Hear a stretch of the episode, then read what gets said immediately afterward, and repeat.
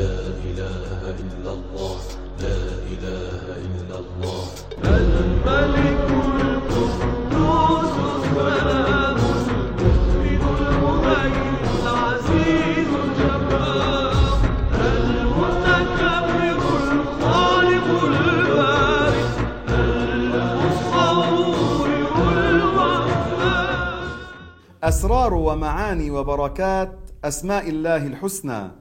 بسم الله والحمد لله وصلى الله وسلم على رسول الله وعلى آله وصحبه ومن والاه اللهم لا سهل إلا ما جعلته سهلا وأنت تجعل الحزن إذا شئت سهلا اللهم ارزقنا الإخلاص في القول والعمل والنية آمين يا أرحم الراحمين أخلص النوايا لله تعالى كلامنا باذن الله تعالى عن اسم الله البارئ. من أسماء الله تعالى البارئ المصور الخالق البارئ المصور. البارئ من أسماء الله عز وجل وورد ذكره في القرآن الكريم وكذلك ورد في الأحاديث عن رسول الله صلى الله عليه وسلم. وهذا الاسم له خواص له مزايا بالذكر إن ذكرته على سبعة أيام. فاسمعوا معي هذه الفائدة لله تبارك وتعالى التي ذكرها المناوي رحمه الله في كتابه فيض القدير. يقول رحمات الله عليه من خواص اسم الله البارئ أن يذكر سبعة أيام متتالية كل يوم مئة مرة. ما فوائد ذلك؟ السلامة من الآفات بإذن الله. الآفات كثيرة. في آفات تكون بالمرض مثلا بينزل على يديك رجليك بصرك في أهلك في مالك. لكن أعلى الآفات ما يكون في دينك. الله يسلمني وإياكم. فإن المصيبة في الدين هذه أشد مصيبة. يعني من كفر بالله أو عصى الله هذه مصيبة في دينه. أما من ابتلي في ماله في صحته في أهله هذا كلا شيء. كما جاء رجل إلى النبي عليه الصلاة والسلام وقال له يا رسول الله إني أحبك.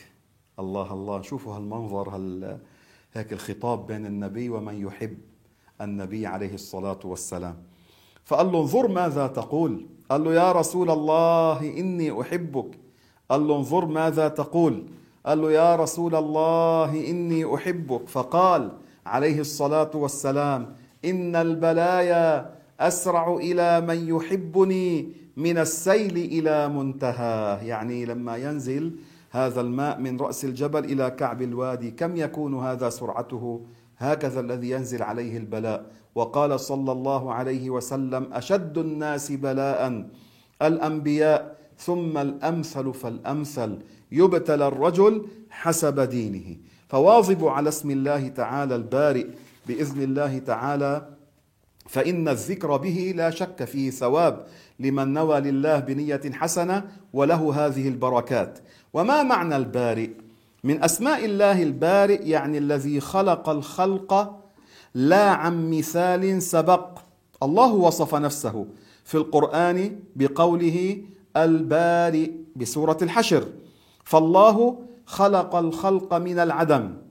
إلى الوجود لا عن مثال سبق فلا يقال العالم أزلي مع الله. العالم حادث العالم كل ما سوى الله فهو مخلوق أما الله وحده الأزلي. جاء في الحديث يا أحبابي أن الرسول صلى الله عليه وسلم جاءه وفد من اليمن. وهؤلاء قبلوا البشارة من رسول الله عليه الصلاة والسلام حيث رفضها بنو تميم. إجا قوم بنو تميم وعرض عليهم النبي شيء فقالوا يريدون الغنيمة حصتهم. ثم جاء أهل اليمن فقبلوا البشارة وسألوه عن أمر يتعلق بالمخلوقين بالعالم. فأجابهم النبي عليه الصلاة والسلام بالأعظم والأهم. سألوه عن العالم فأجابهم عن الخالق العالم البارئ تبارك وتعالى وقال لهم سبحان الله هذا الحديث كثير مهم يا أحباب نفهمه كان الله ولم يكن شيء غيره. في الأزل ما كان شيء مع الله لا سماء ولا أرض ولا عرش ولا كرسي الله وحده لا بداية لوجوده. وكل ما سوى الله حدث بعد عدم. فأول المخلوقات الماء ولم يخلق ربنا قبل الماء شيئا. يعني ما في قبل الماء مخلوقات. هيك ورد في الحديث عن سيدنا أبي هريرة رضي الله عنه الصحابي الجليل. شو قال له للرسول؟ شوفوا كمان هالحوار بينه وبين رسول الله عليه الصلاة والسلام. قال له يا رسول الله إني إذا رأيتك طابت نفسي. يعني فرحت. وقرت عيني فأنبئني عن كل شيء. فقال له عليه الصلاة والسلام كل شيء خلق من الماء. هذا رواه ابن حبان. كل المخلوقات أصلها الأول الماء كما جاء في الآية. الله تعالى قال وجعلنا من الماء كل شيء حي الحي وغير الحي أصله الماء. وأما ما جاء في الحديث فيبين التفصيل ماذا بعد الماء. قال عليه الصلاة والسلام حين سئل من أهل اليمن كان الله ولم يكن شيء غيره. قال لهم وكان عرشه على الماء.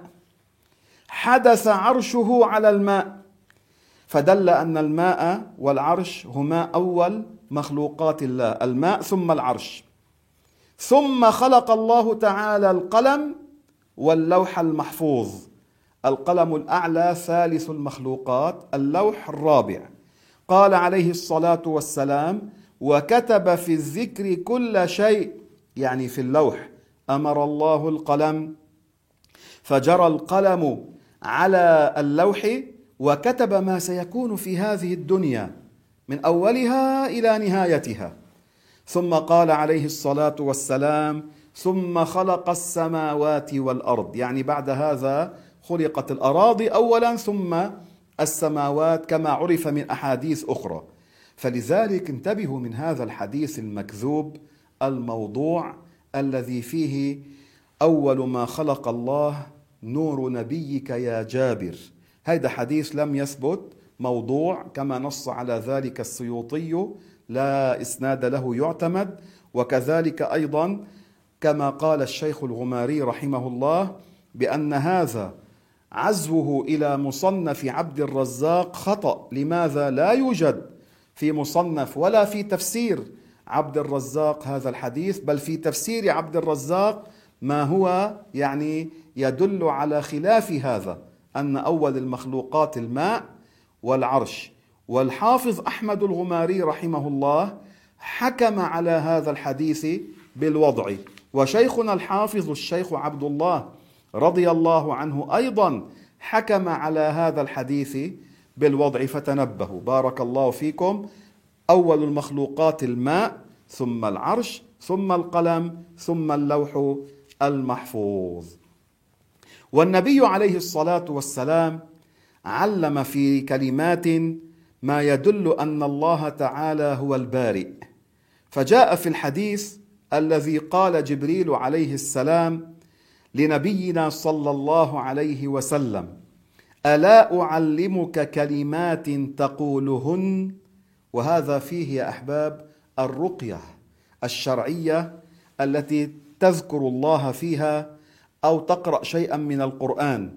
ليست هي الشرك التي جاءت في الحديث إن الرقى والتمائم والتولة شرك.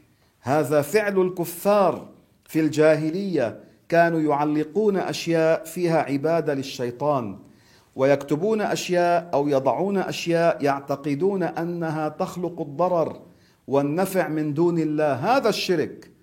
أما مجرد علقنا آية أو تحصنا أو قرأنا لإنسان هذه رقية شرعية موافقة جبريل عليه السلام أمين الوحي يعلم النبي ذلك. فهؤلاء الوهابية الذين يحرمون لبس الحروز لا يلتفت إليهم. لا يلتفت إلى من يحرم لبس الحروز التي فيها آيات لمجرد لبس الآية ليس حراما أو فيها مثل هذا. ما هو الذي علم جبريل؟ أعوذ بكلمات الله التامات التي لا يجاوزهن بر ولا فاجر من شر ما خلق وبرأ وذرأ ومن شر ما ينزل من السماء ومن شر ما يعرج فيها ومن شر ما ذرأ في الأرض وما يخرج منها ومن شر فتن الليل والنهار ومن شر كل طارق الا طارقا يطرق بخير يا رحمن. هذا جبريل علمه النبي عليهما السلام فعليكم به. أعوذ بكلمات الله أستعيذ بالله وبكلامه الذي لا يشبه كلامنا. هنا الجمع لأجل التعظيم. أما كلام الله ليس مركبا من جمل وكلمات وأحرف. انتبهوا هنا يعني ليس مركبا ككلامنا من أحرف ولغة وصوت ونحو ذلك حاشا. لا يجاوزهن بر ولا فاجر يعني لا التقي ولا العاصي الكافر يستطيع أن يتجاوز هذا. من شر ما خلق وبرأ وذرأ ذرأ وبرأ بمعنى خلق. فالله البارئ الخالق. هذا معنى هنا من شر ما خلق وفيها دليل أن الله خالق الشر. ومن شر ما ينزل من السماء أحيانا ينزل من جهة فوق بلاء. ولذلك نستعيذ بالله من هذا الشر. قال ومن شر ما يعرج فيها يعني يصعد إلى السماء. ومن شر ما ذرأ في الأرض يعني من شر الشيء الذي خلقه الله في الأرض كالبهائم وبعض الحشرات ونحوها. وما يخرج منها من الأرض. ومن شر فتن الليل والنهار. يوجد فتن في الليل وفتن في النهار. ومن شر كل طارق إلا طارقا يطرق بخير. يعني نستعيذ بما يطرأ فجأة. يطرقك فجأة إلا إذا كان طارئا بخير. الحاصل يا أحباب الخالق البارئ المصور هو الله تبارك وتعالى. فالبارئ من أسماء الله خلق الخلق لا على مثال سبق. فالجأوا إليه باسمه البارئ. اللهم يا بارئ الأكوان يا منزل القرآن سلمنا يا ربنا من الآفات والهموم بجاه سيد ولد عدنان. يا الله يا الله. لا إله إلا الله لا إله إلا الله.